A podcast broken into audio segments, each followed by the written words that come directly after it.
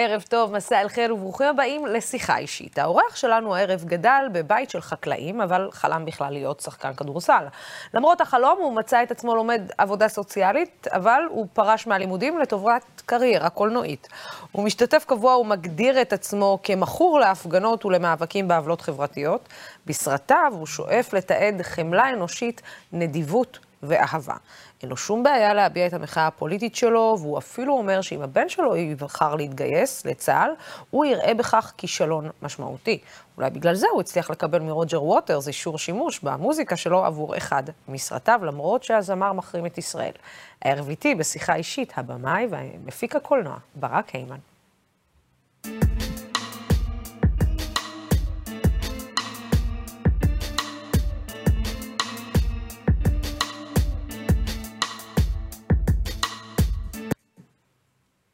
איך מגיעים לרוג'ר ווטרס?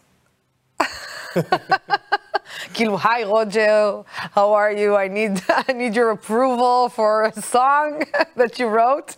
לא בדיוק. אוקיי. בואי נלך קודם כל אחורנית. נעים מאוד. נעים מאוד. איזה כיף, אני שמח להיות פה, תודה רבה. איזה כיף. אמ, אני מכיר את דוב חנין, חבר הכנסת לשעבר דוב חנין, כבר הרבה מאוד שנים. אמ, וב-2014 התחלתי לעשות עליו סרט דוקומנטרי, שחמש שנים לאחר מכן שודר בערוץ יס דוקו ובבתי הקולנוע בארץ. ו... כן, מי שלא יודע, חבר דוב כמובן. אז uh, השותפה שלי, uh, אחת השותפות שלי ליצירת הסרט, שעשיתי אותו ביחד עם אורי לוי, uh, זאת נילי פלר, העורכת הנהדרת נילי פלר, שעשתה את ואלסים בשיר והרבה סרטים של רנטל, עורכת נפלאה. והיא עבדה גם איתי ועם אח שלי תומר לא מעט בעבר, וביחד ישבנו בחדר עריכה עם מעל 400 שעות של חומר גלם, זה לקח לנו הרבה מאוד זמן, כדי לרקוח את הסרט הזה, שעבר המון גלגולים וקרוב ל-50 גרסאות רב-קד שונות, עד שהגענו לארץ המובטחת. ויש שם איזה רגע בסרט שהוא נוסע באוטו ושם דיסק, Dark Side of the Moon, של פינק פלויד. והשיר מאני, וגם בסרט, הסצנה שבאה מיד אחר, אחר כך, זו ועדת הכספים אה, בכנסת, שזה מקום איום ונורא.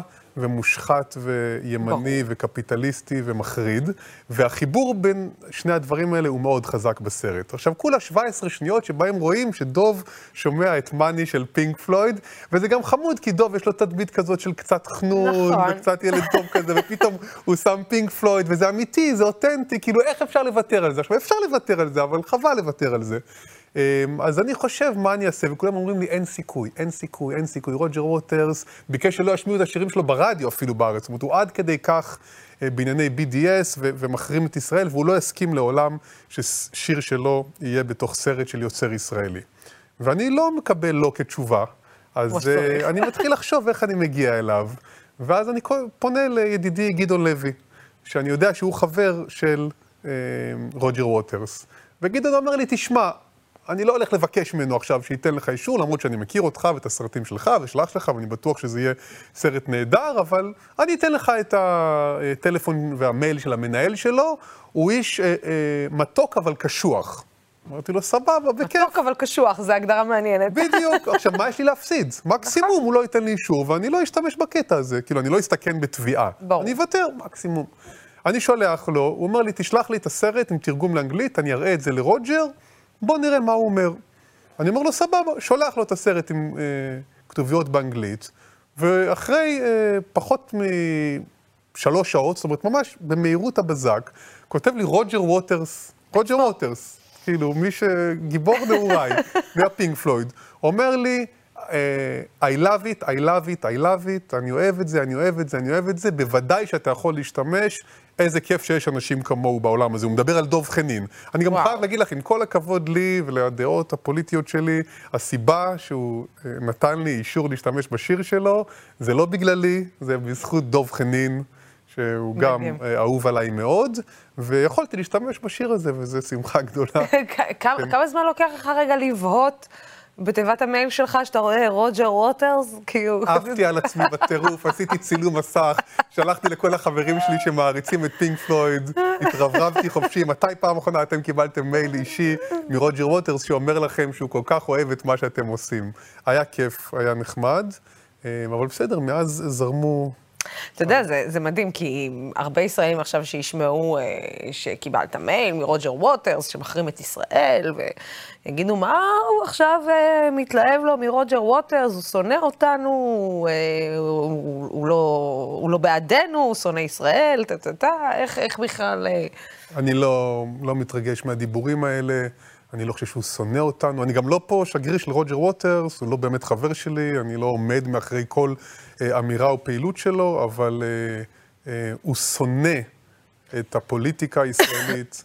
הוא שונא את הכיבוש הישראלי, הוא שונא את האפרטהייד הישראלי, הוא שונא את הקולוניאליזם הישראלי, הוא שונא את מה שקורה פה, וגם אני שונא את מה שקורה פה. יש, יש הרבה דברים שקורים פה גם שאני מאוד אוהב, ואני גאה בהם, ואני שמח להיות חלק מהם, אבל מבחינה פוליטית והמצב שבו אנחנו נמצאים, לא רק מ-67, עוד מ-48 ועוד לפני זה, המצב הוא איום ונורא, ואני חושב שכל מי שיכול, בכל פלטפורמה שהיא, בכל זמן נתון שהוא, להביע את המחאה שלו בצורה הכי תקיפה וברורה, חייב לעשות את זה.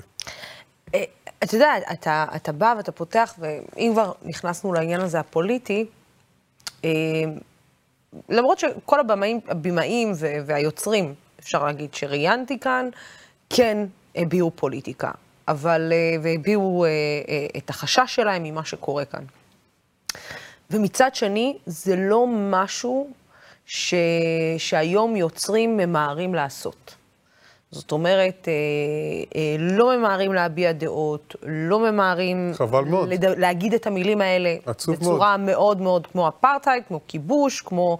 אה, לא ממהרים להגיד את זה, אה, גם אם חושבים, גם אם הם מרגישים אם זה לא בנוח, מחשש ש... זה מוזר, זה מאכזב וזה עצוב, והחשש הכי גדול שלי הוא לא לשלם מחיר על הדעות שלי, או על הזכות שאני דורש להביע אותן תחת כל עץ רענן, כי זה משהו שאני לא מסכים לוותר עליו בשום פנים ואופן. החשש שלי הוא הפוך.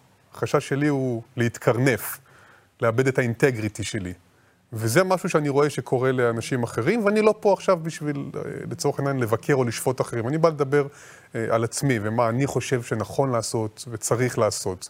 אני חושב שאסור לסתום את הפה, לנוכח הזוועות המטורפות, הבלתי נסלחות והבלתי אנושיות שבתוכן אנחנו חיים, ומה שהצבא עושה, והשב"כ עושה, והמשטרה עושה, והממשלות שלנו, כולן, לא רק ביבי, לא רק בנט, כולם, גם ממשלות כאילו של שמאל, הן כולן חלק מתוך המנגנון, מבחינתי, הנוראי הזה של הכיבוש והאפרטהייד והעליונות היהודית, ונראה לי שכל האנשים הטובים צריכים כל הזמן לשים מקלות בגלגלים של אותו כיבוש ושל אותו אפרטהייד. לצערי הרב, יש הרבה מאוד אנשים, גם בתחום שבו אני עוסק, בוודאי שגם אה, בפוליטיקה, כולל מפלגות שהן כאילו שמאל, כמו מרץ והעבודה, אה, שבמקום לשים מקלות בגלגלים של הכיבוש והאפרטהייד, הם משמנים אותו. אה, לפעמים במכוון, לפעמים בלי לשים לב מה הם עושים, ואני חושב שהתפקיד של כולנו זה להילחם בדבר הזה. בכל הדרכים שעומדות לרשותך. אם אני אשלם על זה מחיר, אני מוכן לשלם על זה מחיר. המחיר הכי כבד שאני אשלם, זה אם אני בלילה, לפני שאני נרדם, ידע שאני חלק מהשתיקה נוכח הפשעים הללו. כל כך הרבה מה לשאול אותך בעניין הזה, כי יש שיגידו, אה, ישמעו את מה שאתה אומר, אז, אז למה אתה חי פה? אם המדינה היא מדינה נוראית ועושה עוולות ואפרטהייד, כמו שאתה אומר, אז למה, למה, למה, למה להישאר פה בעצם? זו שאלה כל כך מטומטמת שקשה לענות עליה ברצינות. נולדתי פה, ההורים שלי נולדים פה, נולדו פה, אמ, הילדים שלי נולדו פה, האנשים שאני הכי אוהב בעולם חיים פה, זה המקום שהוא הכי יקר לי בעולם כולו. ואני לא מבין את השאלה הזאת, אה, למה אני אה, צריך לעזוב, למה אני לא עוזב בגלל שאני כל כך כועס על מה שקורה פה. אני כן מסכים שבעיניי, ואני מדבר רק בשם עצמי וזה לא מחייב אף אחד אחר, זה בעיניי אקט כמעט לא מוסרי לחיות פה אם אתה לא לוקח שום חלק בשום אופן בניסיון לשים כל הזמן מקלות בגלגלים של הכיבוש ושל האפרטהייד. זה כן, זאת אומרת, לחיות במקום כזה ולשתוק, בעיניי זה מאוד בעייתי. לחיות במקום כזה ולנסות לדבר, למחות, להפגין, ליצור, לשכנע, זה הדבר הכי נכון לעשות. ואני יכול להגיד לך שאפרופו התחלנו לדבר על דוב חנין, שאני גם יודע שהוא התארח אצלך פה לא מזמן, והסרט החבר דוב, אמ, אז ב-2015 היינו בבילעין. זה היה, אם אני לא טועה, עשר שנים לציון המאבק הלא מזוין אה, בבילעין. והיה שם תערוכה, והיה שם הרבה כאב ודמעות, וגם הרבה גאווה, והייתה שם תחושה של סולידריות, של מאבק, של פלסטינים ושל ישראלים. לצערי, לא מספיק ישראלים שותפים למאבק הפלסטיני, על זה עוד נדבר. אמ, אבל בסוף היום הזה, אני זוכר אותו, אני פשוט זוכר אותו, זה היה בסוף פברואר 2015. אמ, כי נולדו התאומים, הילדים של אח שלי, תומר, באותו יום, אז אני לא אשכח את זה. ואני שואל אותו, דוב, אני יודע כמה אתה אוהב את הבנים שלך. יש לו שלושה בנים, אני יודע כמה אתה אוהב אותם, איזה אבא מדהים אתה, אני יודע שאתה רוצה שיהיה להם טוב. תגיד, דוב, אתה לא מאחל להם שהם פשוט ילכו לעזאזל מהמקום הזה? מקום עם הכיבוש הזה, והאפרטהייד הזה, וכל החוסר צדק, והאלימות. אתה לא מאחל להם שיחיו בניו יורק, במקסיקו, באמסטרדם, בברלין, לא יודע איפה, במקום אחר? הוא הסתכל עליי קצת נדהם מהשאלה, ואומר לי, ממש לא. זאת אומרת, שיעשו מה שהם רוצים, אני אתמוך בהם במה שהם יחליטו, ותמיד יעמוד מאחריהם, אבל אני מוצא סיפוק ואושר מהמאבק, מהניסיון להפוך את המקום שכל כך יקר לך, למקום שיהיה בו פחות סבל ויותר צדק, פחות כאב ויותר אנושיות. אז המאבק הזה הוא מביא הרבה משמעות וטעם וסיפוק ואושר לחיים. זה מה שאני מאחל לילדים שלי. אמ, ובמובן מסוים זה, זה, זה, זה היה כבר לפני איזה שבע שנים, זה עשה לי איזה טוויסט בראש. זאת אומרת, משם, מהנקודה הזאת, אני פחות עסוק בשאלה אם לחיות פה או לא לחיות פה, אלא יותר איך לחיות פה. ואיך אני לשנות. יכול לנצל את כל מה שאני יכול לנצל, ואת כל הפריבילגיות שיש לי, ויש לי המון המון פריבילגיות, כגבר לבן, יהודי, אשכנזי, שחי פה, בילט אין. לא כי אני מפונק, לא נולדתי עם, עם, עם אה, שום אה, כספים בכיס, לא קיבלתי שקל אחד מההורים שלי כל החיים שלי. זה לא העניין, אבל עדיין, מעצם היותי, אני... אני במקום הרבה יותר פריבילגי לעומת ערבים, לעומת מזרחים, לעומת נשים, לעומת אתיופים, לעומת להט"בים, אני במקום יותר טוב. אמ, ועם ה drive שלי וה passion ואולי קצת כישרון או ניסיון שיש לי בסרטים ובסדרות, אני מנסה למצוא כל דרך אפשרית איך קצת, קצת, קצת להשפיע על המציאות. האם אני מצליח? אני לא יודע, אבל אני, אני, אם אני לא אנסה, אני בטוח לא אצליח. אז בוא נראה, בוא נראה, אתה בעצם, חלק מההשפעה שלך כמובן אה, על המציאות היא על ידי היצירה שלך, ואנחנו נראה כאן אה, כמה קטעים מה, מהסרטים אה, שעשית. הקטע הראשון הוא מהסרט גשר על הוואדי. הסרט הראשון, עם תומר אח שלי עשיתי תומר. אותו, שהוא בעצם הזמין אותי להיכנס לכל העולם הקולנועי. אז רק שנגיד אה, לצופים שלנו, למי שלא יודע, זה סרט אה, שבעצם ברק, אה, שברק עשה על בית ספר יהודי-ערבי הראשון בישראל, על אחד הילדים שצריך לעבור... רגע, טעות, זה לא הבית ספר היהודי ערבי הראשון בישראל, זה הבית ספר היהודי ערבי, הערבי הראשון בישראל שממוקם בתוך כפר ערבי. בתוך כפר ערבי. בכפר קרא במשולש. כן, אז, אז בדיוק בעניין הזה, ותודה על התיקון, הסרט מדבר על אחד, הקטע שאנחנו נראה, מדבר על אחד הילדים שצריך לעבור במחסום בדרך לטול כרם, בואו נראה.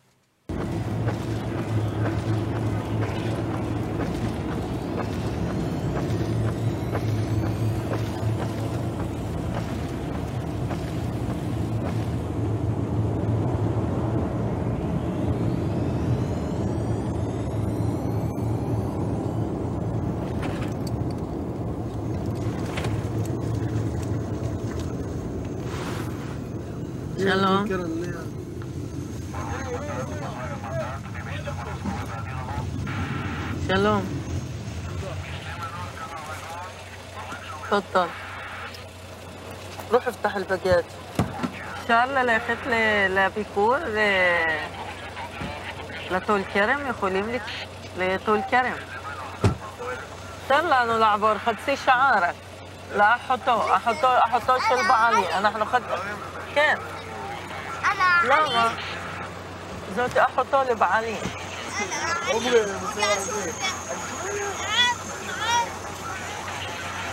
אלין, לא משפעוטונה בכולו ממנוע. לא. תשאלها, למה? תקשיב, תקשיב, אסור להיכנס, אסור. אסור להיכנס. זה לא הראש שלי. אתה יודע, זו סיטואציה בלתי אפשרית. כשאתה, כשאתה, עכשיו, כשאני רואה, כל כך ראיתי את הסרט הזה באמת לפני המון שנים, בהיותי באוניברסיטה, בסטודנטית באוניברסיטה בירושלים, וגם בשבילי זאת הייתה הפעם הראשונה שאני אה, נפגשת עם המציאות הישראלית-פלסטינית, אה, בתור מישהי שגדלה בדימונה כל חייה. ואני מסתכלת, גם ה-viewpoint הזה, ה-point of view, סליחה, של, של החיילת, שהיא אומרת, זה לא אני, זה, זה הוראות מלמעלה. והילד שאומר לה, אני רוצה לראות את המשפחה שלי. זה כאילו מציאות בלתי, בלתי אפשרית לשני הצדדים. אני לא מקבל את האמירות האלה, הסימטריות האלה, אני לא סובל אותן. סליחה שאני אומר לך... לא, לא, לא, חופשי, חופשי, חופשי. אין, אין פה סימטריה בין שני הצדדים, יש פה צד כובש עם צבא מאוד חזק ומאוד אלים, עם גיבוי, לצערי, של ארצות הברית שתומכת, שמדינה שמרוויחה את רוב כספה ממכירה של כלי נשק למלא מקומות בעולם, ויש פה אה, עם שנאנק תחת הכיבוש ותחת האפרטהייד, ואין לו את העצמאות שלנו יש אותה. אין פה סימטריה. זאת אומרת, החיילת הזאת, אני לא חושב שהיא בהכרח נולדה בן אדם רע, ואולי היא בכלל לא בן אדם רע, והיא באמת בסיטואציה אה, מורכבת ולא נעימה מבחינתה, אבל אני חושב שגם היא, גם היא, אפילו שבסך הכל ילדה קטנה, אמ, שכאילו עושה את מה שאומרים לה, כי אחרת, אם היא לא תעשה את מה שאומרים לה, היא תשב בכלא. גם לה יש איזושהי אחריות על הדבר הזה, אני לא מנקה אותה לגמרי. אמ, ובמובן מסוים להורים שלה יש יותר אחריות אה, מילה אפילו. ואני בפירוש מחנך את הילד שלי אמ, בשאיף, בצורה כזאת שאני מאוד מקווה שכשהוא יגיע לשלב שבו הוא צריך לבחור אם לשים על הגוף היפה שלו את המדים האלה, עם כל מה שהם מסמלים, ולהיות חלק מהמנגנון הזה של הכיבוש ושל האפרטהייד, אני מאוד מאוד מקווה שהוא יגיע למסקנה שהוא לא מוכן להיות חלק מהדבר הזה, אפילו במחיר של ישיבה בכלא. זאת תהיה החלטה שלו. אם הוא יחליט שזה מה שהוא כן רוצה לעשות... אתה באמת תרגיש כישלון? חד משמעית. באמת? כישלון איום ונורא. באמת, ברק? כן. ואם הוא בעצם בא ואומר לך, אבל אבא, אתה חינכת אותי שאם אתה רוצה לשנות, אתה משנה מבפנים. שאם אתה רוצה רגע שנייה אה, להראות משהו אחר, אז, אז אתה הולך ועושה את זה פני, מה, מהמערכת מבפנים. בסדר, זה... ויש חיילים, אתה יודע, ש... ש... אתה יודע, יש חיילים ימנים, יש חיילים שמאלנים, זה, זה, זה לפעמים הוויכוח שכאילו אה, קצת אה, מתערפל אה, בקרב אזרחי מדינת ישראל, אבל החיילים שגבורים אי שם בהר הרצל, הם ימנים, שמאלנים, מרכז, דתיים, חילונים, הכל מהכל. אבל... אבל בסוף, אה, אה, חלקם גם יודע שאולי אם הוא הולך ומתנהג בצורה מסוימת או עושה משהו בצורה אחרת, זה גם יכול אולי לשנות את המציאות טיפה למציאות אחרת. זה, זה, זה שאלה גדולה, זה גישות שונות. הגישה שלי היום היא אחרת. קודם כל חשוב לי להגיד, הבן שלי הערך הכי גדול שהוא מקבל ממני ומאימא שלו, זה אתה מחליט. ברור. זה החיים שלך, זה המצפון ברור. שלך, זה גם הוא עוד ילד קטן, זה לא כל יום אני מספר, לו כן, את הדברים האלה. כן, אתה יודע, זה עובר מהר, כמו שאומרים להורים כמונו. אבל הילד אה, הזה, שהוא בסך הכל בן שמונה וחצי, כבר היה בהרבה יותר הפגנות. שקשורות לכיבוש, לאפרטהייד, לתנאי השכר של המורים בישראל, לגירוש ילדים פיליפינים, למצב המזעזע של האריתראים והסודנים שהמדינה מתעללת בהם, זאת אומרת, אה, למצב של ניצולי השואה. הרבה מאוד הפגנות הוא הולך, לא רק אה, שקשורות לכיבוש ולאפרטהייד, שמונה וחצי. הוא היה בהרבה יותר הפגנות בחיים שלו ממה שרוב האנשים בני החמישים במדינה הזאת אה, היו, ואני גאה בזה מאוד, כי זה חלק מהחיים. אם הוא יחליט ש... הוא מתגייס לצבא, זאת תהיה החלטה שלו, ואני אומר לך שאני אסע לבסיס הצבאי עם סנדוויצ'ים, אני אגייץ לו את המדים ואני אחבק אותו חיבוק גדול כשהוא יבוא הביתה. אני אבכה כל לילה אם הוא יחליט לעשות את הדבר הזה. בסוף, זה מה שהרגשת כשהיית חייל?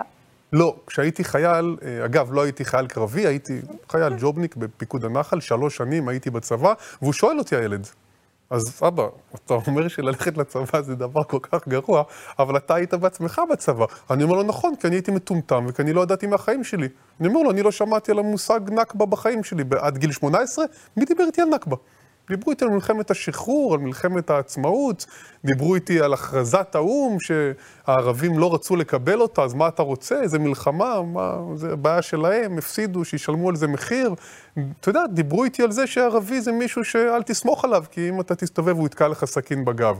לא דיברו איתי על uh, הטבח בכפר קאסם, לא דיברו איתי על הטבח בדיר יאסין, לא דיברו איתי על הנכבה, לא דיברו איתי על הדברים שקרו עוד לפני הכרזת העצמאות בחיפה ובעוד הרבה uh, ערים בארץ, ולא דיברו איתי על יפו שהייתה כמעט כולה ערבית ועיר שוקקת חיים ותרבות, ובעקבות הנכבה פשוט העיפו לעזאזל משם את כל הערבים. לא דיברו איתי על הגטו שבו שמו את ה-3,000 פלסטינים ב-48 ביפו. לא דיברו איתי על זה שהחוף שאני שוחה בו עכשיו כל בוקר על יד uh, מסעדת מנטרי שם, היה פעם שם כפר בשם מנשיה, שעכשיו קוברים את ההריסות שלו, ובמקום זה עושים שם אנדרטה לאצ"ל. זאת אומרת, עושים אנדרטה לזה שכבש, לא אנדרטה לזה ש... נכבש. נכבש, נהרג אה, וגורש. זאת אומרת, לא דיברו איתי על כל הדברים, לא ידעתי את כל הדברים האלה.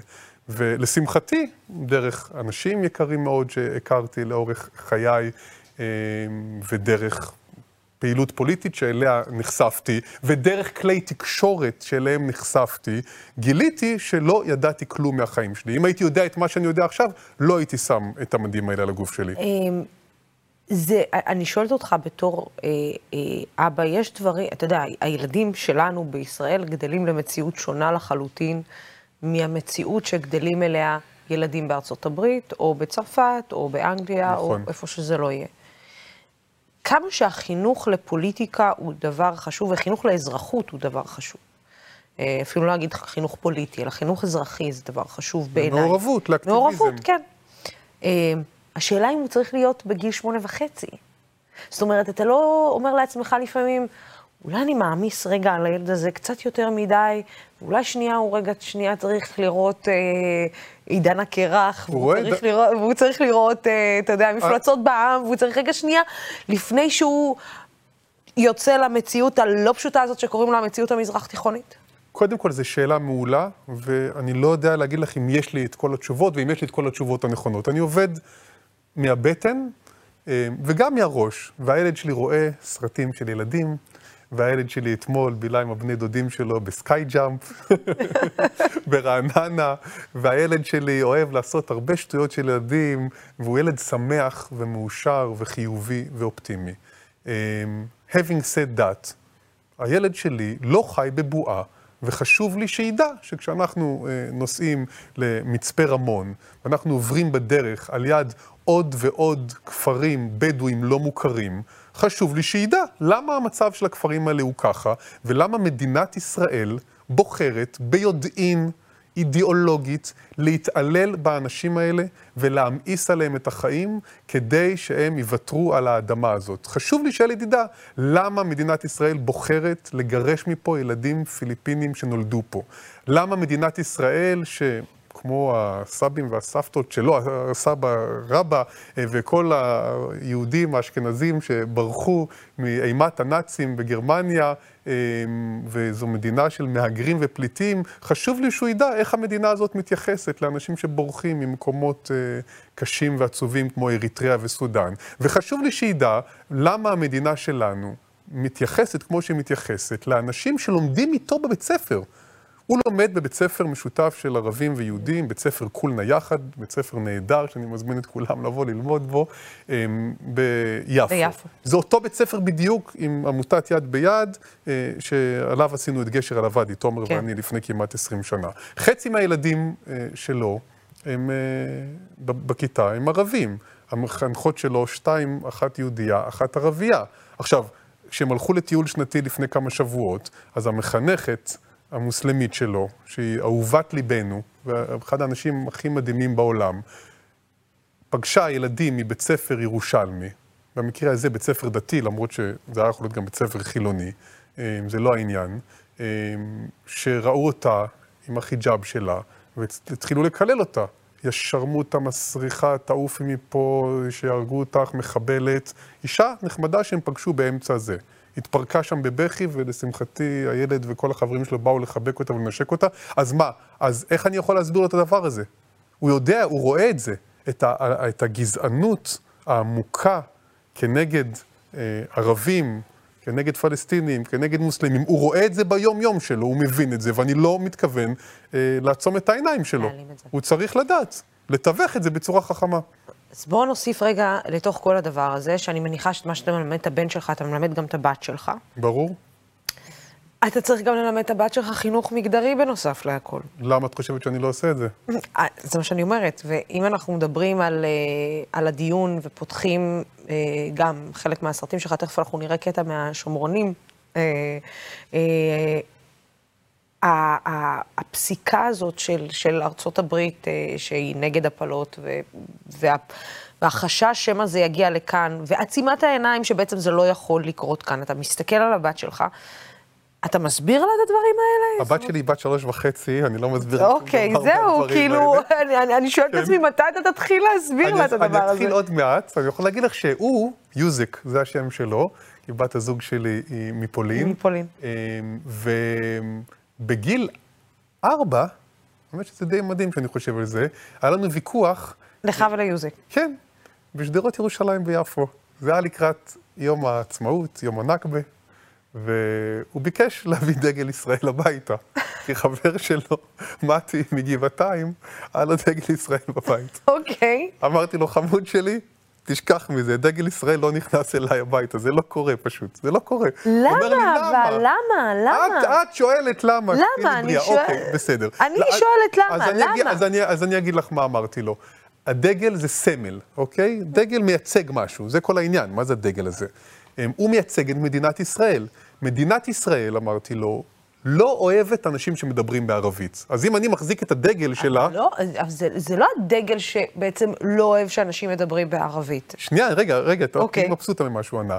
אמרתי לו, אז אני לא רוצה את הדגל הזה, כי הוא מסמל מבחינתי את זה שלא אוהבים אנשים שמדברים בערבית, ככה ניסיתי לעשות את זה בצורה עדינה ויפה, ילד בן ארבע בכל זאת. אז הוא אומר לי, החוכמולוג הזה לא אבא, אתה טועה. אמרתי לו, באמת, במה אני טועה בדיוק?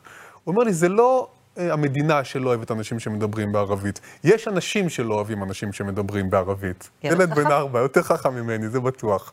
אמרתי לו, תשמע, יש משהו במה שאתה אומר. ועדיין אני אבל- לא רוצה את אבל הדגל. אם תמצא לי, אני הכי רחוק שאני מוכן ללכת איתך, תמצא לי דגל שבצד אחד יש דגל ישראל ובצד אחד יש דגל פלסטין, אני מוכן לחשוב על זה, אם תמצא, נביא הביתה, לשמחתי. עברנו לדבר על אה, דברים אחרים קצת פחות אה, ברומו של עולם. אז אנחנו נעבור רגע שנייה, שים רגע את הפוליטיקה בצד, אני, אנחנו צריכים עדיין למצוא לילד אה, דגל, נראה לי, גם וגם. אבל... אלך על דגל הגאווה, זה הדגל דגל. הגאווה, אתה אומר. אבל בוא נראה קטע מתוך סרט, התחלנו לדבר על הבת שלך, ואמרת ש...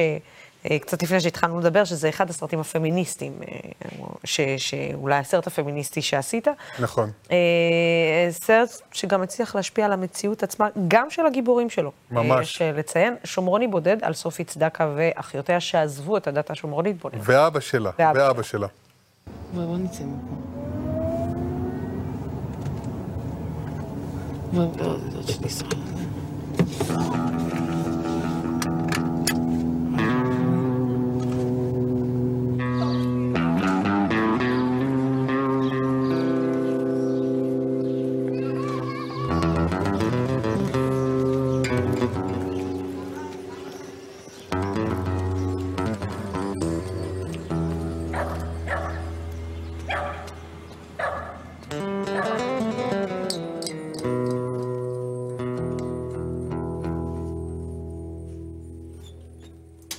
בעשרת דיברות כתוב לאהוביי לשמוריי. לכן אנחנו, כל דבר אנחנו שומרים עליו. שמירת שבת, אה, מחזור החודשי של האישה, ברית מילה, חגים, שפה עברית עתיקה, הכל אנחנו שומרים. בשביל זה קראו לנו שמרנים. כל אות משלנו מסמלת על אחד מאיברי הגוף. שין, מה דומה שין? שן, שין, שן. ריש כמו ראש, ריש ראש, יוד ידיים. איפה אתה תמצא בכל העולם שפה, שפת ציור, שפה, שפת פיקצ'ר, כמו יש לשמרונים, אתה לא תמצא. יש לנו בעיה שאנחנו סובלים ממנה מאות שנים, היא מחסור של בנות. עכשיו, במחסור של בנות, אנחנו לוקחים מבחוץ. לקחנו כ-30 בחורות יהודיות במשך 70 שנה שעברו.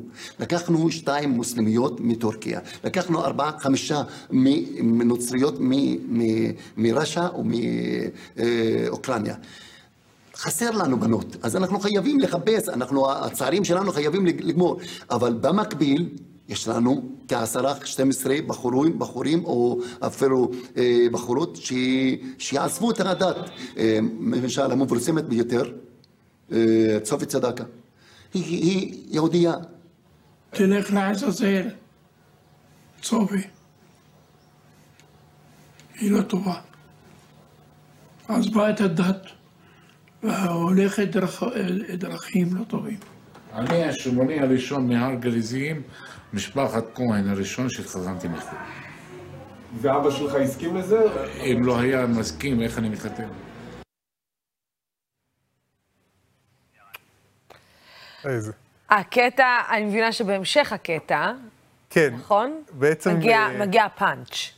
בעצם מה שאומר שם הבן של הכהן הגדול, מול המצלמה, בלי שום בושה, זה שאם הוא היה מגלה שאחותו השומרונית הולכת עם אחד, יהודי או מוסלמי או נוצרי, הוא אומר לה, אין בעיה, את הולכת, סבבה. אבל בלילה כשהיא ישנה, הוא בא עם סכין, מוריד לה את הראש, לוקח את הראש, הולך למשטרה ואומר, אני הרגתי אותה. אם חס וחלילה היא תעיז לעשות דבר כזה, ושמבחינתו ברוך צדקה מת. ברוך צדקה זה אבא של סופי צדקה, ושלושת אחיותיה ואח שלה, ובעצם העדה אה, ראתה ארבע נשים שומרוניות, שאחת אחרי השנייה הולכות ומתחתנות עם יהודים, ובעצם עוזבות את העדה. מבחינת העדה זה דבר איום ונורא, כי בקבוצה כל כך קטנה של 750 איש עם חוקי התבוללות מאוד נוקשים, ארבעה רחמים שומרונים בעצם הולכים אה, לאיבוד, זה משהו איום ונורא, ועכשיו אנחנו ניתן בכל הכוח בראש אה, לאבא, וככה אה, למען יראו וייראו. אה, וכמו שאומרת אימא של סופי צדקה בסרט, אה, וזה בעצם אולי המסר הפוליטי גם במובן הזה, שתראה איזה טיפשים הם. אם עכשיו, אחרי שהאחות הגדולה עזבה את העדה והתגיירה, הייתה באה העדה ומחבקת אותנו, ואומרת לנו, וואו, זה בטח קשה לכם, אבל אנחנו אוהבים אתכם ואנחנו נשמור עליכם, אז כנראה שכל השלוש האחרות היו נשארות בתוך העדה. הסיבה שהן עזבו זה בגלל שהם קיבלו כל הזמן כאפות.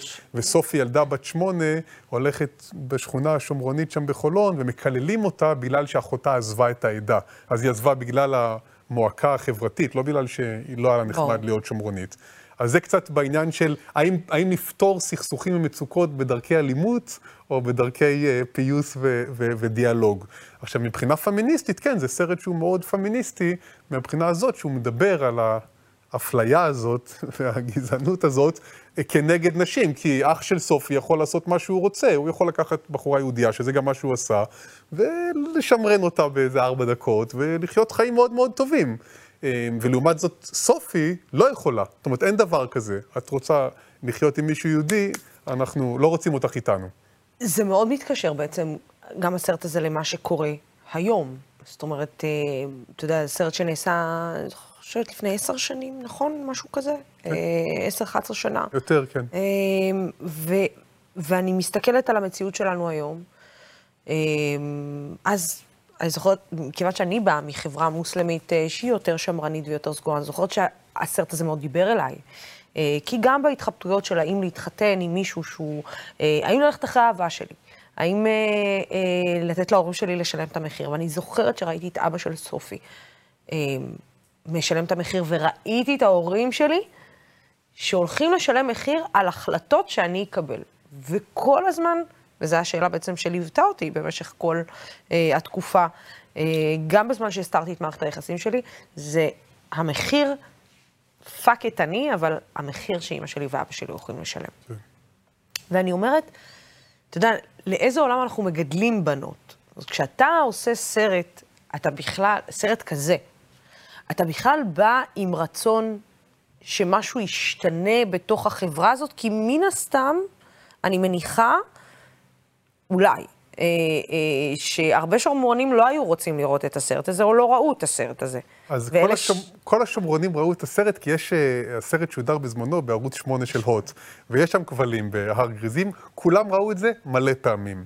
Um, אני שמח להגיד לך שעם כל הכבוד, ואני גאה בזה, ויש לי אגו כמו לכל יוצר אחר, אז אני מאוד מאושר מהפרסים שהסרט זכה בהם בכל מיני פסטיבלים, הוא זכה במקום הראשון בפורום היוצרים הדוקומנטריים, ומקום ראשון פה, ומקום ראשון שם, זאת אומרת, הוא עשה לי כבוד בקטע הזה של כן. הפרסים והזכיות. אבל הפרס הכי גדול שקיבלתי מהסרט הזה, וזה אולי אחד הפרסים הכי גדולים שקיבלתי אי פעם בחיים שלי, זה שהסרט עשה שינוי דרמטי, משמעותי, חיובי, בחיים של המשפחה הזאת.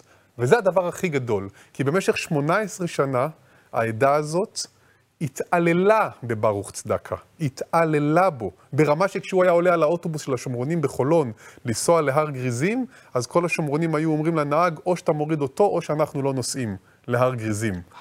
ברמה שהעלילו עליו שהוא גנב את ספרי התורה של השומרונים מבית הכנסת השומרוני בשכם. שכם. ובסוף הסתבר שבכלל החמאס גנב את זה, זה שווה אה, מיליונים. הם ידעו שהוא לא גנב, הם העלילו עליו עלילות שווא, באו שוטרים, שמו אותו בצינוק, הרסו לו את החיים, הוא קיבל סכרת, איבד את הראייה, הם הביאו עליו את כליונו. התעללו בו, היה מגיע להר גריזים שלוש פעמים בשנה, כמו כל השומרונים שלא חיים שם, אלא חיים בחולון. הבית שלו ריק, אף אחד לא מתקרב אליו, בזמן שכל הבתים האחרים זה הילולה כן. אה, מקסימה ומחבקת וחמה. בעקבות הסרט, בהתחלה הייתה קריזה, כעסו עליהם, כעסו עליי, כעסו, את יודעת, כי זה לא נעים ברור. לראות את, מראה, כן, מראה, את המראה מראה. הזאת שמראה כמה אכזרי אתה. ואז יום אחד סופי מתקשרת אליי, ואומרת לי, ברק, אתה לא מאמין, אתה לא מאמין, מה קרה? אמרתי, אוי אוי אוי, מה קרה עכשיו? ישר אני דואג. היא אומרת, לא, מדהים מה שקרה, בזכות הסרט, פתאום, אחרי 18 שנה, כל השומרונים פתאום באים לבקר את אבא שלי, פתאום הם מחבקים אותו, פתאום הם רגישים אליו. הם לא מבקשים סליחה, כי הם בכל זאת גברים עם אגו, ברור. כי כולכם מטומטמים, היא אומרת לי, אבל פתאום היחס היחס אליו השתנה מן הקצה אל הקצה, ואת שנות חייו האחרונות הוא העביר בצורה הרבה הרבה הרבה יותר טובה אה, ונעימה וחיובית מאשר כל השנים שלפני כן, ולטענתה של סופי, את גם מכירה את סופי, היא סופי. אומרת רק את האמת, זה בזכות הסרט. אז מבחינתי זה אומר שסרט דוקומנטרי יכול גם לשנות את המציאות, לא רק לתעד אותה. עכשיו, אני לא יודע כמה אנשים יכולים להגיד לעצמם שמשהו שהם עשו, עשה שינוי רדיקלי וחיובי בחיים של בן אדם. אני ב high מטורף מזה, אני מאושר מזה, אני גאה ברור, מזה. ברור, אבל אתה יודע, בסוף, אה, כששומעים אותך ויודעים, אתה, אתה מאוד outspoken, כאילו אתה לא... גם בסרטים עצמם, כשאתה שואל את השאלה, אתה, את השאלות שלך שיש לך לשאול, אתה מאוד outspoken, אתה מבהיר מאוד מה הדעה שלך.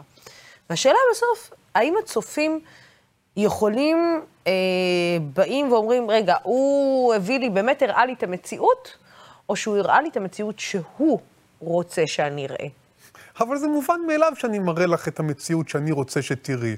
אני עכשיו במאי של סרטים, והסרט נעשה מתוך הלב שלי, מתוך העולם, מתוך העולם הערכי שלי, מתוך האידיאולוגיה שלי ומתוך הנפש שלי, וכל אחד אחר שהיה עושה סרט על אותו נושא, היה עושה סרט אחר לגמרי. זה מובן מאליו, it goes without saying. עדיין, אני יכול להגיד לך שכן, אה, אחת הגאוות שלי בסרט גשר על הוואדי, שזה הסרט הראשון שאי פעם עשיתי ביחד עם אה, אח שלי תומר, אה, אחד הדברים שאני גאה בהם זה שיושבים אנשים בבית קולנוע, או אחרי שהם ראו את הסרט בטלוויזיה, או באיזשהו פסטיבל, ואותם אנשים יושבים אחד על יד השני, שני אנשים, רואים את אותו סרט.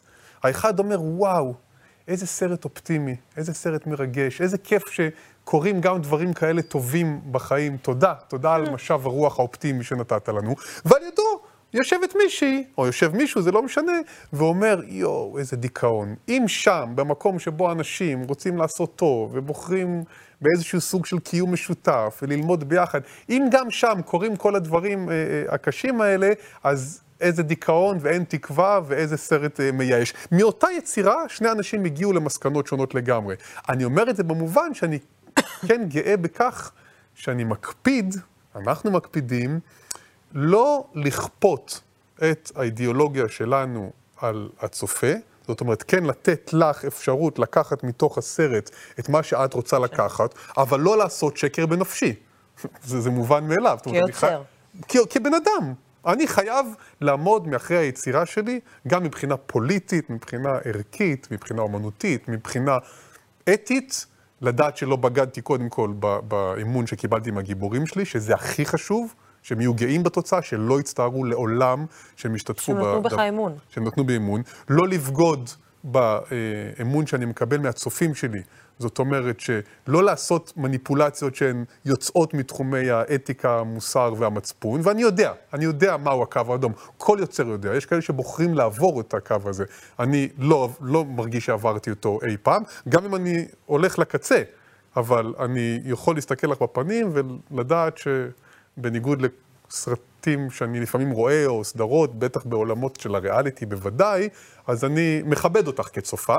ומתייחס אלייך באופן אינטליגנטי ובגובה העיניים, ועדיין מביא את העולם שלי. אני, אני לא רק שאני לא מתבייש בזה, אני גאה בזה, אבל אני כן יכול להגיד לך שאני חושב, רוצה להאמין, שאני מצליח גם לגעת בלב, או לפתוח את הראש, גם של אנשים שחושבים אחרת ממני. ממני. וזה זה, זה אתגר מאוד גדול. בחבר לא דוב, אגב... אתה גם, אתה, אתה גם, בוא נגיד, לפני שנגיע לחבר דוב, אתה גם אתה גורם לאנשים לזוז באי נוחות. מעולה. אה, גם בסרטים שלך וגם באמירות שלך. זאת אומרת, אני מצאתי את עצמי זזה באי נוחות כמה פעמים לאור כמה מהדברים שנאמרו כאן.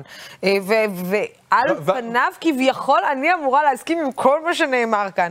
אבל, אבל, אבל לא, אני מצאתי את עצמי זזה באי נוחות במספר פעמים, אבל בסוף זאת המטרה של יוצר, לגרום לך לזוז באי נוחות. ורגע שנייה לעצור ולחשוב. זה מבחינתי אבל רוב נתת- האנשים לא רוצים. מבחינתי נתת לי מחמאה בזה שזזת באי נוחות אל מול חלק מהדברים שראית בסרטים שלי. אני, אני גאה בזה, אני שמח מזה. אה, גם אני זז באי נוחות לפעמים כשאני שומע אותך אומרת דברים שמעצבנים אותי בטירוף. אז מה?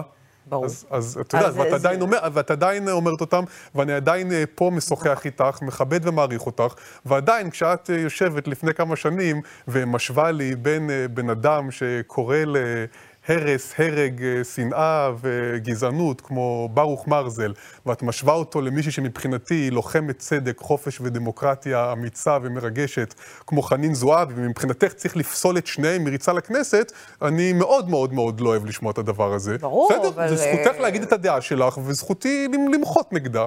ובסדר, אנחנו יושבים ומדברים. נכון, נכון. אתה רוצה לפתוח באמת את העניין הזה אין- של- של חנין זועבי? אין, אין, אין, לי, ש- אין לי שום בעיה, אין לי שום בעיה. אני חושבת שבעניין הזה בתור... אה, החוויה שלי היא אחרת. החוויה שלי היא אחרת לחלוטין מכל בן אדם אחר. אני בן אדם שחווה אה, רוע טהור משני הצדדים. זאת אומרת, אה, בתור ילדה לחוות אה, פיגוע בעזה ו- ולראות רוע טהור בעיניים של, אה, של מחבל שהוא רואה ילדים בתוך אוטו ובכוונה מכניס בקבוק תבערה לתוך האוטו הזה במטרה להרוג. מבחינתי, זה משהו שאי אפשר לסלוח עליו. את לא- את לא אמורה- את לא אמורה לסלוח לא, עליו. וגם אי אפשר להבין אותו. גם אם זה, אה, אה, גם אנחנו נכון מציאות כיבוש, ואני, ואני מסכימה איתך, הכיבוש צריך להסתיים וצריך לגמור אותו, ובעיניי אלימות זאת לא הדרך, משני הצדדים דרך אגב, אבל אלימות זאת לא הדרך, טרור זה לא הדרך. אה, אה, אפשר להשיג, אה, כמו שאמרת, אפשר להשיג אה, אה, פתרון בדרך אחרת. אפשר לבוא, רגע שנייה, לנסות אה, אה, לפתור דברים לא באלימות. כש, אה, כשהפלסטינים ניסו לפתור דרכים לא באלימות, אגב, עם יוזמת השלום הסעודית, שקראה להפסקת האלימות ולהפסקת הסכסוך לנצח נצחים, מתוך תשתית, שהיום היא כבר כמעט לא רלוונטית, אפשר להגיד, של שתי מדינות בקווי רביעי ביוני 67, עם חלוקה של ירושלים כמובן, ועם פתרון צודק ומוסכם לבעיית הפליטים, ישראל אה, לא הרימה את הטלפון. זאת אומרת, ישראל לא התייחסה להצעה הזאת. מצד שני, אתה יכול לבוא ולהגיד שהיו גם הרבה פעמים שישראל הציעה והפלסטינים החליטו שהם לא רוצים. אתה יודע, שני הצדדים אז- עשו מספיק נזק לעצמם אה, כדי להביא אותנו לנקודה שבה אנחנו נמצאים. ו- אה, ו- והד- כשאני, כשאני, אני, אני, אני מבינה את הנקודה שאתה ממנה מגיע, ואני, ואני מבינה, ותאמין לי, אני רואה סרטונים ודברים מזעזעים שיוצאים, במיוחד בתקופה האחרונה, יש גם איזושהי יותר ויותר התלהמות, אה, גם בקרב היחס לפלסטינים אה, אה, ביהודה ושומרון, ויש שם סרטונים מזעזעים. אבל אני חושבת ששני הצדדים, ואני מדברת על ההנהגות בשני הצדדים, הביאו את העם למקום, עשו יש להם תפקיד מאוד מכובד למקום שבו אנחנו, שנינו, שני הצדדים הגענו. זאת אומרת, אני לא, את עוד- אני לא חוסכת מההנהגה הפלסטינית בשום אה, צורה אה, שהיא, אה. בשום צורה שהיא, את, ה, את עצימת העין, את החזירות, את, אה, בהרבה מאוד מקומות, את האינטרס הפוליטי הדק מאוד שלהם. אני לא נציג של הרשות הפלסטינית, נכון, והרשות נכון, הפלסטינית נכון. היא מושחתת והיא לא טובה. ויש פלסטינים שהתפקיד שלהם הוא למחות נגד נגדה. נכון, זה לא נכון. התפקיד שלי. התפקיד שלי כיהודי וישראלי זה כל הזמן למחות נגד נגד עוולות. נגד השלטון הישראלי הציוני שרואה בערבים, כולל בך, כאויבים. עכשיו, זה ברור לי אז- לחלוטין שרואים בי כאויבת. בסדר, אז, אז, ס- אז ב- אה, ישראל כץ, שהוא, מדברים עליו כאיזה, דיברו עליו כמועמד לראשות הממשלה, היה שר אה, אה, בממשלה, דמות מאוד בכירה, עומד מעל דוכן הכנסת ומאיים עלייך, שהוא יעשה- עלייך, שהוא יעשה לי נכבה שהוא שנייה. יעשה לך נכבה שנייה. אבל לפחות אה, הוא הודה שיש נכבה. אוקיי, תוך כדי בצלאל סמוטריץ' שהייתה, שהייתה נכבה. אוקיי. זה כבר, זה כבר, אתה יודע, אני, אני תמיד מסתכלת על החצי, סליחה שאני צינית, כן? כן. אבל לפחות הייתה בכלל אה, התכחשות לחלוטין אה, שהייתה בכלל נכבה, ולקום ושזה שר בכיר, או שר לשעבר בכיר בא ואומר שהוא יעשה לי נכבה שנייה. ושר בכיר זה- לעתיד, ושר בכיר לעתיד, לצערי הרב, בצלאל סמוטריץ', עומד שם ואומר את האמת אפילו היותר כואבת, שבן גוריון לא סיים את העבודה. זאת אומרת, בן גוריון, שמרב מיכאלי שמה אותו מאחוריה, כי הוא המודל שלה, שסוף סוף יוצאת גם האמת עליו, הוא רצה, הוא רצה לגרש מפה את הערבים, הוא גירש מפה את הערבים, הוא הכי רחוק משמאל שיכול להיות, ובתקופתו קרו דברים איומים ונוראים, זאת אומרת, הוא הניח את התשתית לדבר האיום והנורא הזה שנקרא כיבוש ונקרא אפרטהייד, ויש עוד אנשים שהיום כאילו מעריצים אותו וסוגדים לו, שזה דבר לא יאומן בכלל בעיניי, והאמת יוצאת החוצה. עכשיו, מה שאני בא... אבל אתה יודע, למרות שהעורך מבקש שנחזור אה, לדבר על סרטים וכו', אבל אני כן, אה, אה, זאת אומרת שרגע שנייה, כי יש לנו עוד שני קטעים שאנחנו רוצים להראות, אני כן רוצה להגיד לך, בסוף, גם אתה לא מוכן לזוז מדעתך. זאת אומרת, גם אתה די תקוע, אה, אתה לא...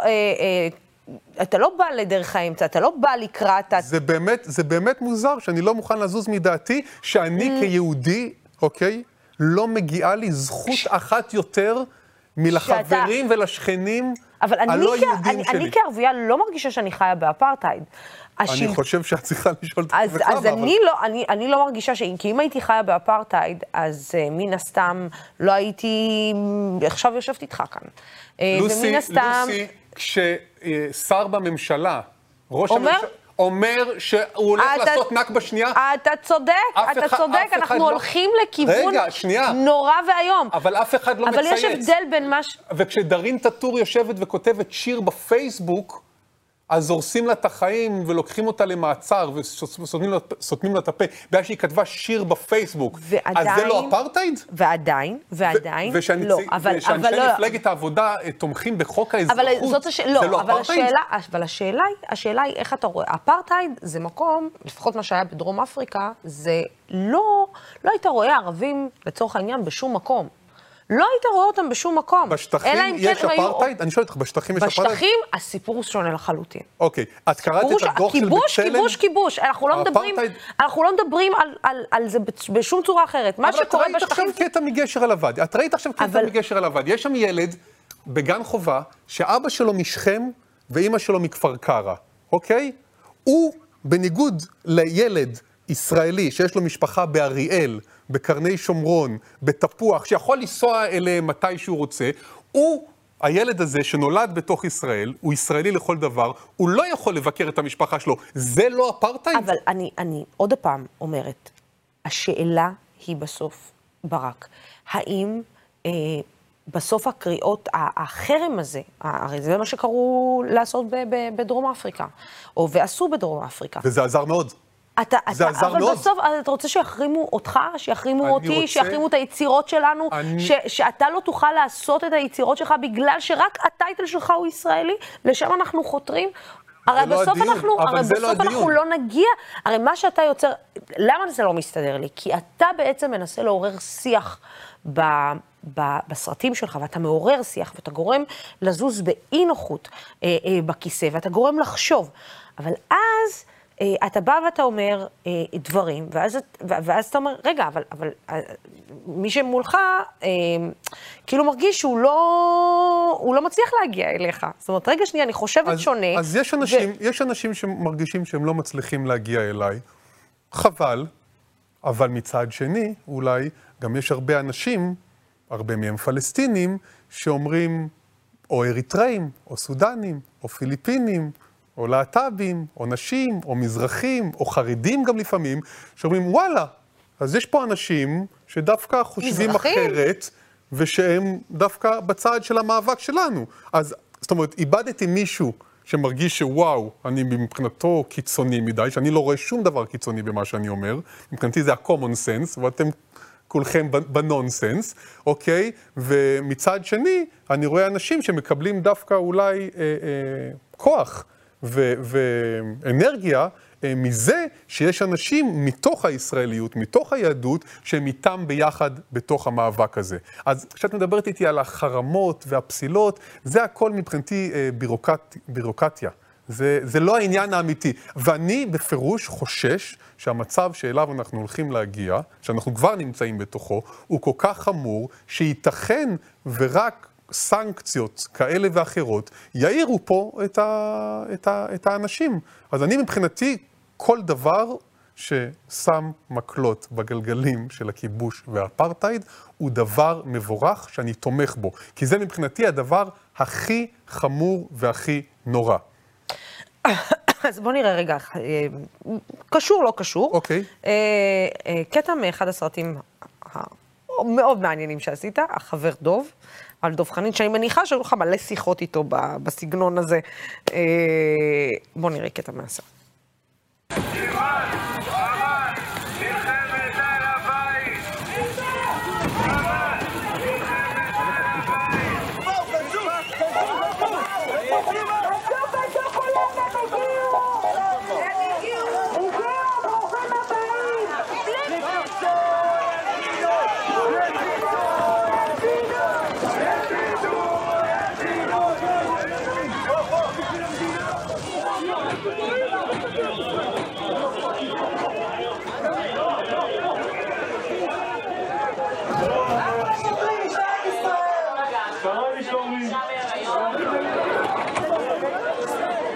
אתם לא חייבים לעשות את זה, שוטרים!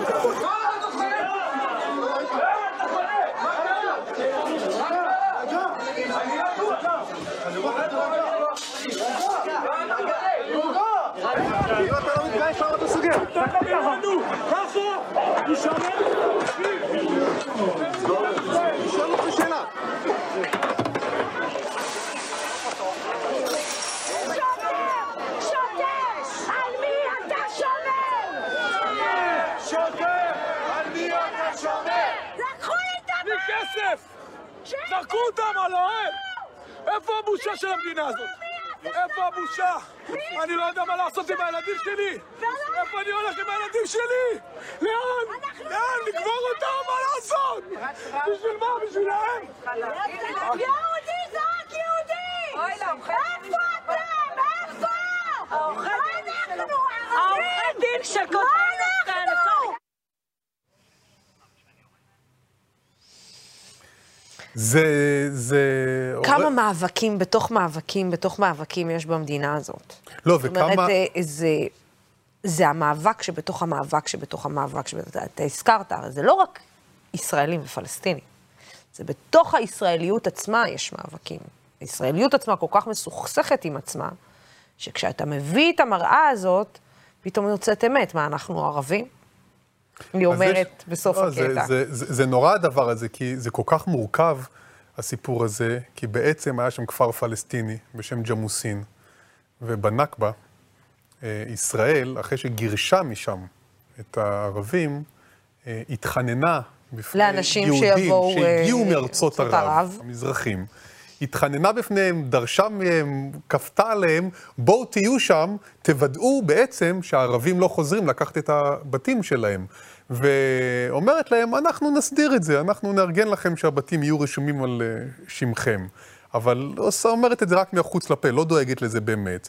אחרי 70 שנה, שאנשים חיים שם חיים שלמים, אה, פתאום באים תשובה, קוזאינוף, חולדאי, כל מיני אנשים באמת מאוד מאוד רעים, קפיטליסטים ושונאי אדם, שרק כסף ושררה מעניינת אותם, וכוח ושלטון, ולא באמת בני אדם. ואומרים להם, עכשיו האדמה הזאת שווה המון כסף. ומוכרים את האנשים... אז תעופו אה, מפה, או שתעופו מפה בבעיטה, או שתעופו מפה באיזה פיצוי עלוב, והיו שם אנשים שהציעו להם 11 חודשי שכירות, אבל בטח שלא ייתנו לכם דירה בבניין הזה, ובטח שלא ייתנו לכם גם מספיק כסף לקנות דירה במקום אחר. אמ, בטח ו- לא בבבלי. בוודאי שלא, וגם לא בחולון או בת ים או ראשון, לא או בתל אביב בכלל. אחר, בשום מקום. אמ, אז יש פה גם משהו שאני חושב שהוא מאוד יפה לגבי דוב חנין, שגם אנשים שהוא מאוד מאוד חלוק עליהם בדעות שלהם, בנושאים לאומיים, בנושאים של אה, סכסוך ישראלי-פלסטיני, של כיבוש, של אפרטהייד, הוא עדיין עוזר להם כי הוא יודע שהם צריכים עזרה, כי זה קורבנות, האנשים האלה הם קורבנות של המציאות. גם אני, אפילו שאני שומע את הדבר הנוראי הזה שהיא אומרת שם, מה אנחנו ערבים, כי היא בעצם אומרת, הלו, לפרק ככה אנשים במכות ולהוציא אותם מהבית שלהם, זה ערבים. בסדר, זה אבל תעשו לערבים בתוך ישראל, ב-48, ב-67, לא משנה, לערבים מותר אה, לעשות דברים כאלה. לנו אסור, שזה איום ונורא, אבל זה לא אומר שהיא לא צודקת שנעשה לה עוול. אז יש פה המון מורכבויות, זה מה שהסצנה הזאת בעצם אה, אה, מנסה להראות, ואני מקווה שזה מחלחל גם לנשים, ואני שמח להגיד לך שאנשים מתוך שכונת גבעת עמל, שראו את הסרט שלי, החבר דוב, ששם גם יש שם צילומים מטורפים מאום אל-חיראן, כן. אה, שצילמה קרן מנור מאקטיב סטילס, ורואים שם את הפינוי האלים של אום אל-חיראן, ואת הירי על איימן עודה, שירו עליו, כדור גומי, ירו עליו, הוא מדמם שם. אה, והם אומרים, אנשי גבעת עמל, אחרי שהם רואים את הסרט, רגע, מה שאת אמרת לי גם פה לפני שנייה, זה אותו דבר. זאת אומרת, זה אותו דבר. מה שהם עושים לפלסטינים שם, הם עושים למזרחים פה, בגבעת עמל, בשכונת הארגזים, בכפר שלם, בכל המקומות הללו. אז מבחינתי, עכשיו, זה תהליך מאוד ארוך ומאוד מורכב ומאוד מסובך, אבל איחוד המאבקים הזה, הוא בסוף זה שאולי, אולי, אולי יצליח לגרום... אה, לאנשים ל- רגע ל- לראות את, ה... את מה שאתה בעצם לאיזשהו שינוי.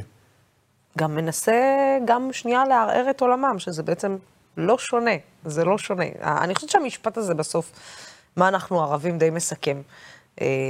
אה, את הרגע שנייה, זה כמו תן לה שוקולד, תישא את השוקולד, תן לה שוקולד, תן, מה, היא ערבייה? תן תן לה שוקולד. אז זה, זה, כן, זה מאוד מאוד עצוב, אבל אני שמח להגיד שבזכות הסרט, בגלל זה אני אומר, הסרט יכול גם טיפה להשפיע, פתאום הרבה אנשים, נגיד, הבינו דברים שקשורים לאום אל-חיראן, שקשורים לעזה, שקשורים לוועדת הכספים של הכנסת, שקשורים לגבעת עמל, שקשורים למפעל המגבות של המפוטרים בערד, להרבה מאוד עוולות חברתיות, שאני מציף אותם בסרט, אה, מבחינתי זה דבר חשוב. ולצערי. התקשורת הישראלית, את רוב העוולות האלה, אה, קצת מטאטאת ולא נותנת להם את המקום שמגיע להם. כמעט... זה יותר קל. יותר כמעט קל. כל יום, כמעט כל יום, או אפשר להגיד כל יום, כבר תקופה מאוד ארוכה, שנרצח פלסטיני בשטחים הכבושים. את לא קוראת על זה בידיעות אחרונות, את לא קוראת על זה במעריב. בהארץ את קוראת הרבה יותר ממקומות אחרים, אבל בטח שלא כמו בשיחה מקומית, או העוקץ, או המקום הכי חם בגיהנום. ואחת הבעיות הכי גדולות, וביבי הבין את זה מעולה, אה, זאת אומרת, אחד האתגרים הכי גדולים זה התקשורת. הוא ניסה לשלוט בתקשורת והצליח, יש דברים, בצדק. אה, יש דברים, אתה יודע, שלא כיף אה, לדבר עליהם בזמן שאתה, חייבים. שאתה, שאתה תוקע סנדוויץ' אה, בשמונה בערב, סנדוויץ' עם פסטרמה ו... חייבים לדבר לא על יהיה. הדברים האלה. אני רוצה להראות, זה מדהים שכאילו, אתה יודע, זה, זה מדהים שאתה אמרת לתחקירנית שאתה, אה, אה, הסרטים שלך הם אה, מתעד חמלה ואהבה, ובינתיים אנחנו מדברים רק על דברים שהם סופר קשים. אבל רגע, לא, אבל שנייה. ואי אפשר לעגל אותם עם הסנדוויץ' פסטרמה בשמונה בערב. קודם כל, עדיף שלא תאכלי פסטרמה ושתהיי צמחונית, אבל בלי קשר... אל תתחיל, אל תתחיל. אל תתחיל. אבל אבל אני רק התחלתי בעקבות הילד שלי, הוא בגיל 6 נהיה צמחוני, אמרתי, מה, אני לא מסוגל. צמחוני? כן. רגע, צמחוני לא טבעוני. צמחוני, צמחוני, הוא אומר שהוא יהיה טבעוני שנה. הבאה. אה, אה, שהוא יהיה טבעוני. ואני אחריו, אני אחריו. אבל את לא הראית קטעים מהצלמניה, נכון, מהשדכנית, זה נכון, ממי זה יאהב נכון, אותי אבל אני עכשיו. רוצה להראות אה, יש הרבה קטעים קטע מ... חמלה, אבל את מביאה רק נכון. דברים אה, פוליטיים קשים, אז אנחנו מדברים על זה. בוא נראה את סצנת הפתיחה מתוך הסרט שלך, למרות שאני לא, אני חושבת שיש סצנות יותר אה, מגניבות אה, בסרט הזה, מתוך הסרט שלך על דני קרוון. אוקיי.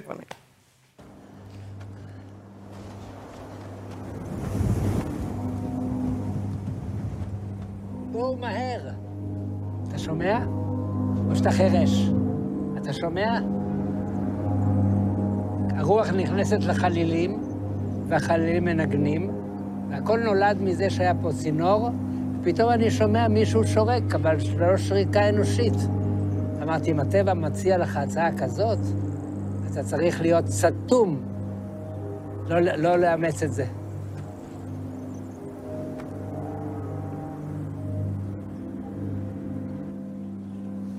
הטבע הוא הבוס הגדול שלי. אני בא למקום, והמקום אומר לי. אני שומע את המקום.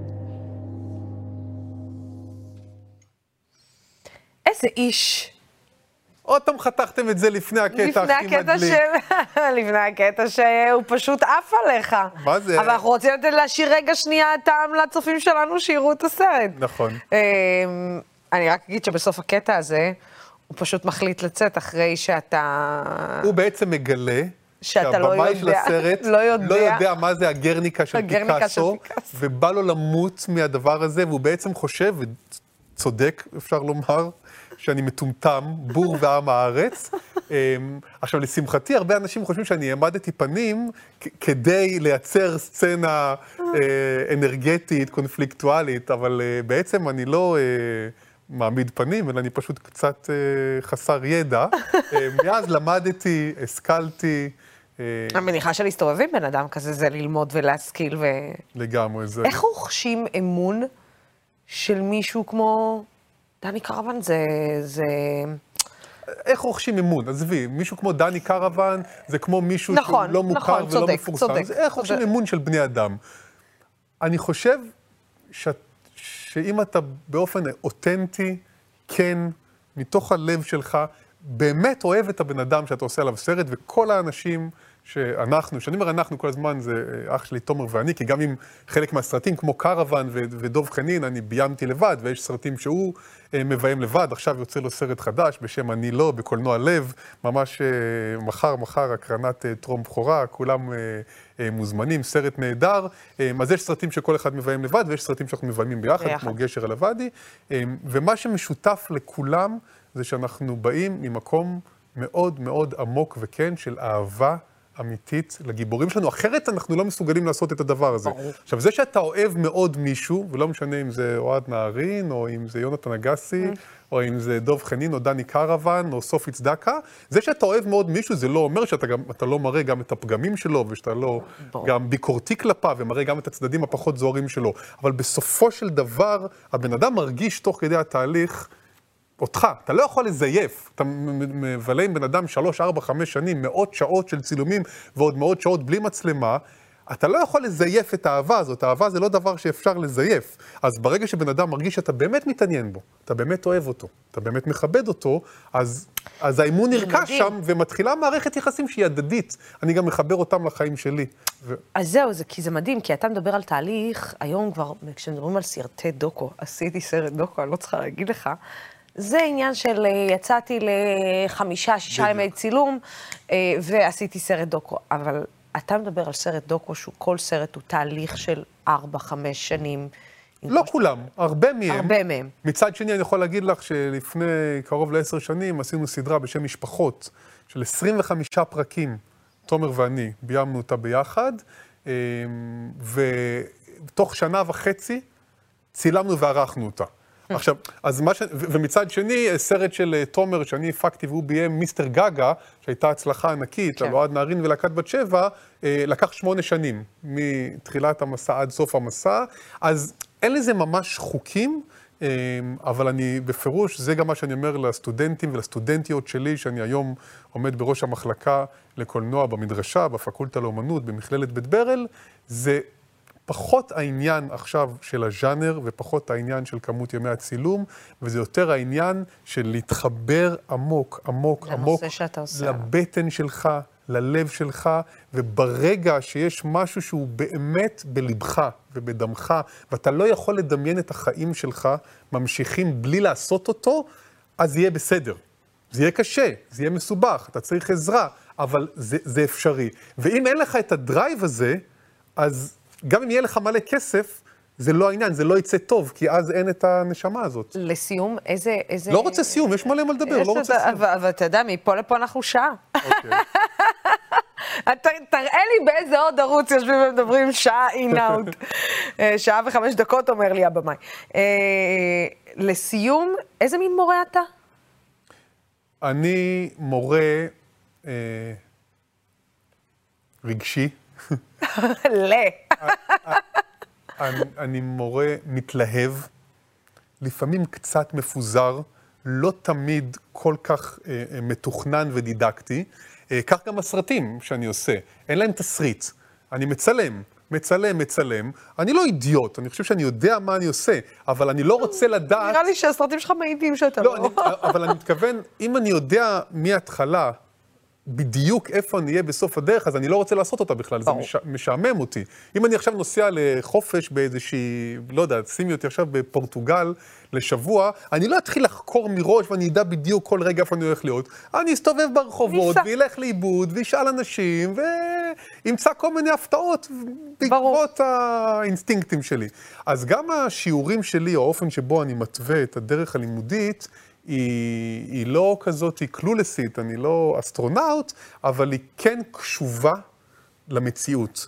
אז אם אני עכשיו מרגיש שהסטודנט או הסטודנטית זקוקים למשהו, גם אם לא ידעתי את זה מראש, או גם אם לא תכננתי את זה, אז יכול להיות שיותר חשוב להיות קשוב לצורך אה, שלהם, שלהם. מאשר לתוכנית המקורית שלי, אבל גם בגבולות. זאת אומרת, גם לא להיות עבד של הגחמות שלהם, אלא לשים לפעמים גם גבולות ברורים של דדליינים ושל משמעת, אבל זה מין ספקטרום כזה של רגישות ואלסטיות. היום אתה בן 46, היום אני בן 46. ברק היימן פוגש את ברק היימן בן 80. אוללה. מה הוא אומר לו? הוא אומר לו,